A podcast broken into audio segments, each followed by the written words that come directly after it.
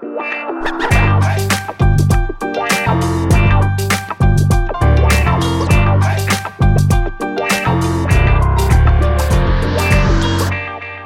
welkom bij een nieuwe aflevering van een podcast over voeding. In deze podcastserie gaan we in op de wetenschap achter voeding en laten we wetenschappers aan het woord over allerlei thema's die met voeding te maken hebben. Bart Mol van I'm a Foodie is er natuurlijk ook weer bij. Hoi Bart. Ja, zeker hoor uh, Arnoud. En uh, Jaap, goedemorgen. We gaan wel trouwens een beetje richting ja.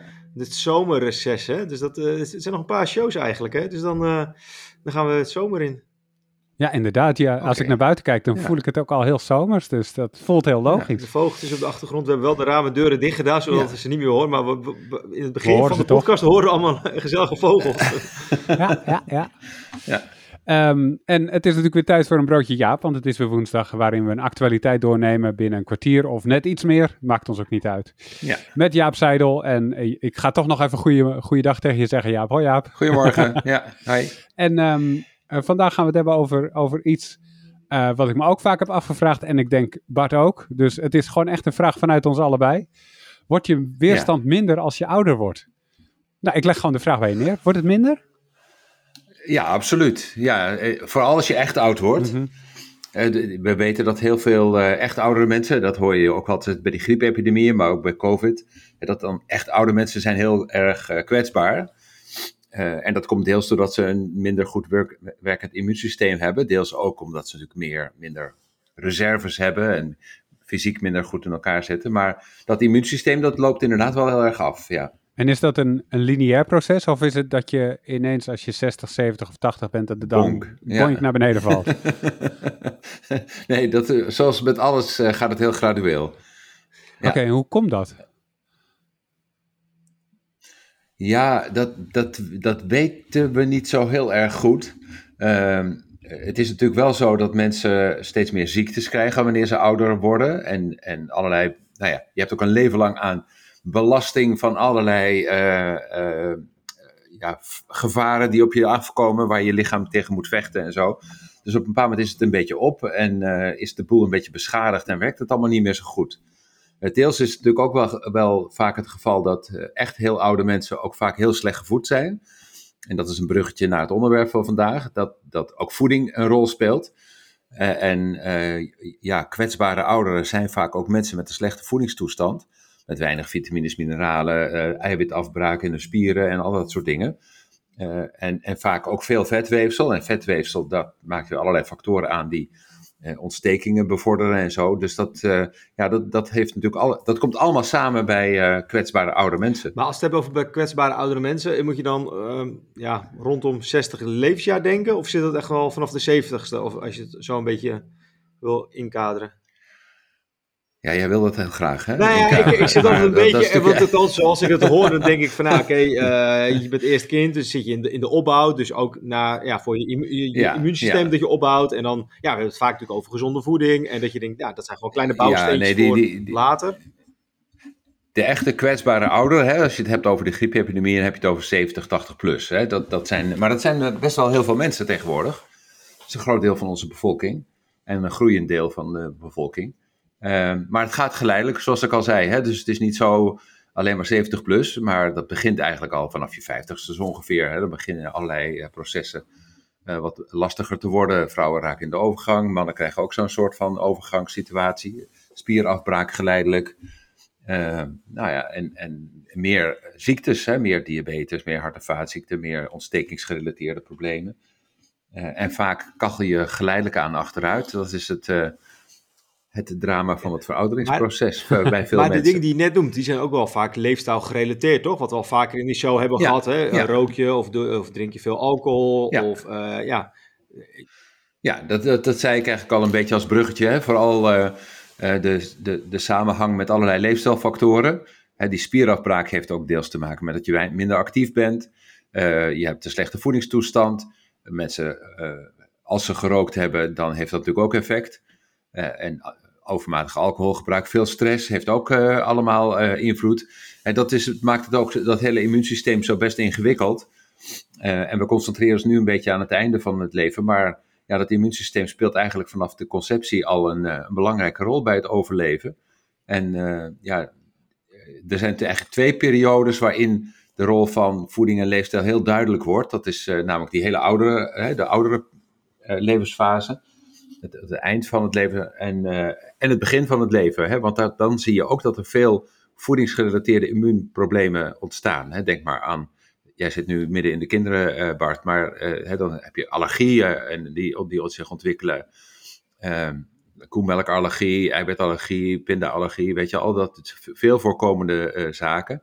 Maar ook veel infecties. En ja, dus dat, dat hele immuunsysteem, dat moet zich nog ontwikkelen. En doet dat dus gedeeltelijk door eh, interactie met de omgeving. En die omgeving die beïnvloedt je natuurlijk met je leefstijl. Want op zich is het grappig uh, dat je het doet. Want ik hoor best wel veel bij uh, verjaardagen en feestjes. Dan hoor ik een beetje het uh, geklaag om me heen. Van nou, ik was vroeger toen ik nog geen kinderen had. Toen was ik nooit ziek. En als ik een keer ziek was, nou dan was ik één dag ziek. En de volgende dag, kon ik gelijk weer werken. Maar nu, hè, ik ben ergens eind 30, begin 40. En die kinderen die zijn elke paar weken weer verkouden, snotterig of ziekig. En dan dat ze in ieder geval aangeven dat ze als ouder ook opeens, eh, in plaats van één dag ziek, zijn ze opeens een hele week ziek. Of dat ze minder snel herstellen.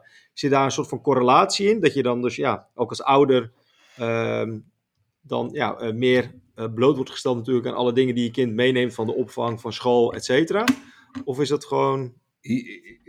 Ja, nou ja, ik kan, ik kan niet goed in jouw kenniskring kijken natuurlijk, maar het is, kijk of een 30-jarige nou een veel slechter werkend immuunsysteem als een 20-jarige, dat geloof ik niet.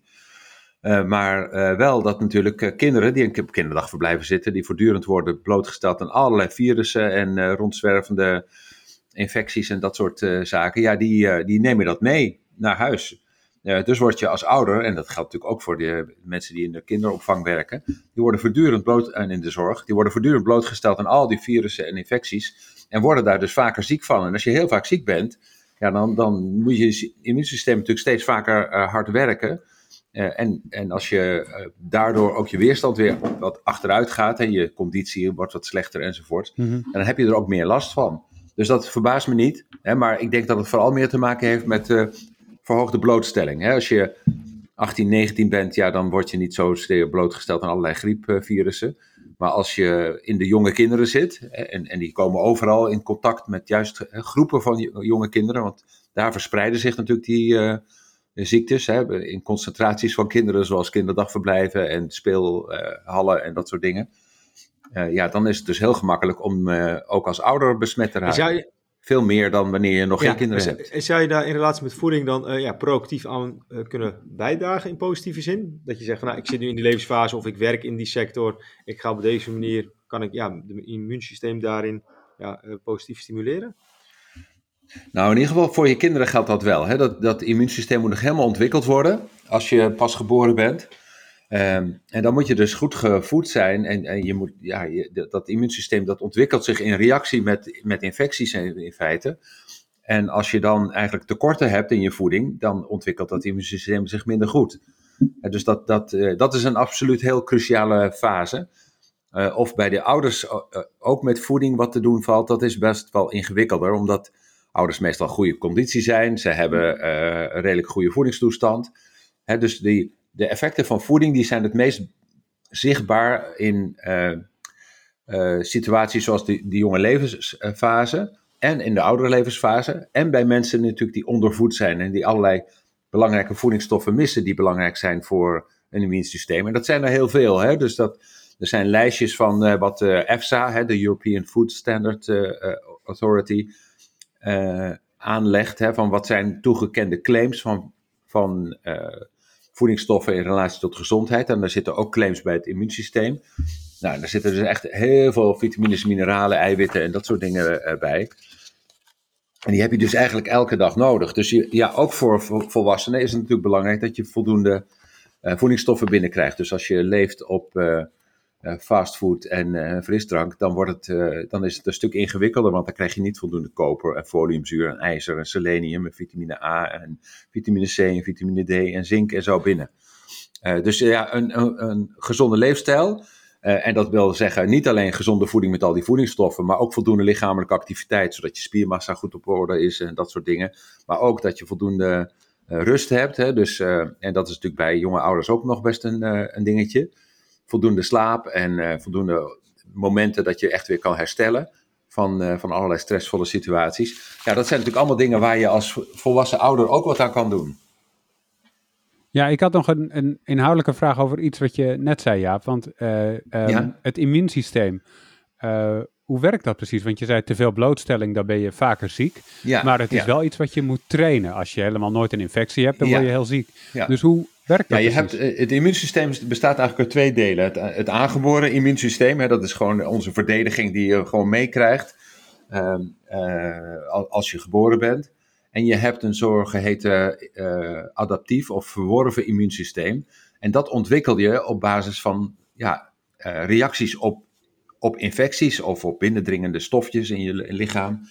En dat is iets wat, ja, dat moet dus getraind worden. En dat is ook een van de redenen waarom nu gezegd wordt dat om pindaallergie te voorkomen, moet je eigenlijk kinderen al heel vroeg in aanraking krijgen met, met eh, kleine, kleine mespuntjes pindakaas en dat soort dingen. Uh, al hebben bij, van een paar maanden oud. Want dan gaan ze alvast reageren op die eiwitten die in pinda's zitten. En dan krijg je een immuunsysteem wat al goed tegen die pinda's kan. Als je dat niet doet, dan, en je hebt een, uh, ook een erfelijke aanleg op het ontwikkelen van allergieën, want dat, dat zit er ook nog bij maar dan uh, kun je dus makkelijker, wanneer je pas later in je leven uh, met pinda's te maken krijgt, dan heb je geen immuunsysteemreactie opgebouwd en verworven. Mm uh, en dan krijg je daar soms een overmatige reactie van. En dat is eigenlijk de reden van al die voedingsallergieën. Ja. Hebben, dat, dat is niet heel goed gedocumenteerd, maar bijna iedereen is het er wel over eens dat die vroeger minder vaak voorkwamen dan mm nu. Uh, en dat heeft ook te maken met de, met de schoonheid van onze omgeving. Hè. We worden dus weinig blootgesteld, omdat nou ja, goed oplettende ouders zijn voortdurend bezig met antibacteriële zeep en met uh, natte doekjes en hygiëne en uh, alcohol en wassen en nou ja, en detol overal. zodat er zoveel mogelijk smetten worden weggenomen. En dat betekent dus ook blootstelling aan infecties. Nou, ik ben zelf opgegroeid in een. Mijn, mijn opa had een boerderij en ik zat dus voortdurend overal in de modder en mest en hooi en weet ik veel wat allemaal. Dus ik ben uh, totaal ondergedompeld in allerlei uh, uh, ja, stoffen die een immuunrespons opwekken. Dus dat is toen heel goed ontwikkeld. Maar als je op een, op een heel, heel schoon vletje acht hoog achter opgroeit, ja, dan krijg je dus helemaal geen blootstelling. En dat betekent dat je dus ook geen reactie opbouwt en geen reactievermogen opbouwt. En dat betekent dat wanneer je later dat pas krijgt, dan heb je dat dus niet en dan krijg je uh, meer gevolgen daarvan. En zit er ook een soort van um, lijn in dat mensen die als klein kind uh, hun immuunsysteem op die manier meer hebben getraind dan anderen, ook ja. op die kwetsbare oudere leeftijd nog steeds een sterker immuunsysteem hebben? Ja, ja, dat is ook zo. En dat is ook eh, eigenlijk een van de redenen waarom mensen vaak zeggen: je moet een huisdier nemen ook voor je, voor je kind. want dan heb je minder later allergieën uh, last. Um, en dat, uh, ja, dus, dus voor al kinderen met een, dat een ingewikkeld woord, atopische constitutie, hè, dat wil zeggen erf, erfelijke aanleg om sterk te reageren daarop. Ja, die, die moet je eigenlijk wel goed blootstellen, op een voorzichtige manier natuurlijk, aan allerlei stoffen, zodat ze ja, dat, dat immuunsysteem trainen. Ja. En, dat, dat hou je dan je hele leven, ja. ja. Oh, nice. En hoe, uh, als je het zeg maar moet uh, uh, vervatten in één soort van omschrijving, hoe groot is de invloed van voeding op je immuunsysteem? Ja, die is heel erg groot, hè, omdat heel veel vitamines, mineralen, die zijn een onderdeel van die immuunrespons. Mm uh, eigenlijk is een immuunrespons ook een eiwitrespons. Hè? Een allergie is eigenlijk altijd iets op, op een reactie op eiwitten. En dat geldt voor heel veel binnendringende stoffen eigenlijk ook. Dus je, ja, en die, die immunoglobuline, dat woord zegt het al, dat zijn globuline, dat zijn ook eiwitten. Dus ja, alles heeft met voeding te maken. Dus als je een eiwittekort hebt en je hebt een tekort aan vitamines, mineralen en al dat soort dingen, dan heb je ook een slecht werkend immuunsysteem. Dat kan zich dus niet goed trainen, omdat je de noodzakelijke stoffen niet hebt. Dus ja, voeding is van essentieel belang. Ja, en uh, ik, ik wil toch nog even toe naar hoe je dit praktisch kan toepassen. Dus stel je voor, Jaap, je bent Bart. Je hebt en uh, kinderen in een, in uh, kleine kinderen en je hebt ouders die in een kwetsbare leeftijd aan het komen zijn.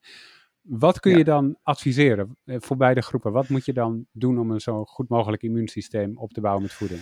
Ja, het is eigenlijk niet heel ingewikkeld. Dat zijn gewoon alle oude adviezen. Hè? Dus zorg voor een goede uh, lichamelijke en mentale conditie. Want dat, hè, dus veel stress en, en weinig bewegen en niet goed slapen, dat is belangrijk. Maar ook een gewoon een goede voedingstoestand. Dat wil zeggen dat al die stoffen die je nodig hebt voor dat immuunsysteem, en dat zijn er nogal wat, maar dat betekent die, ja, waar haal je die vitamines en mineralen uit?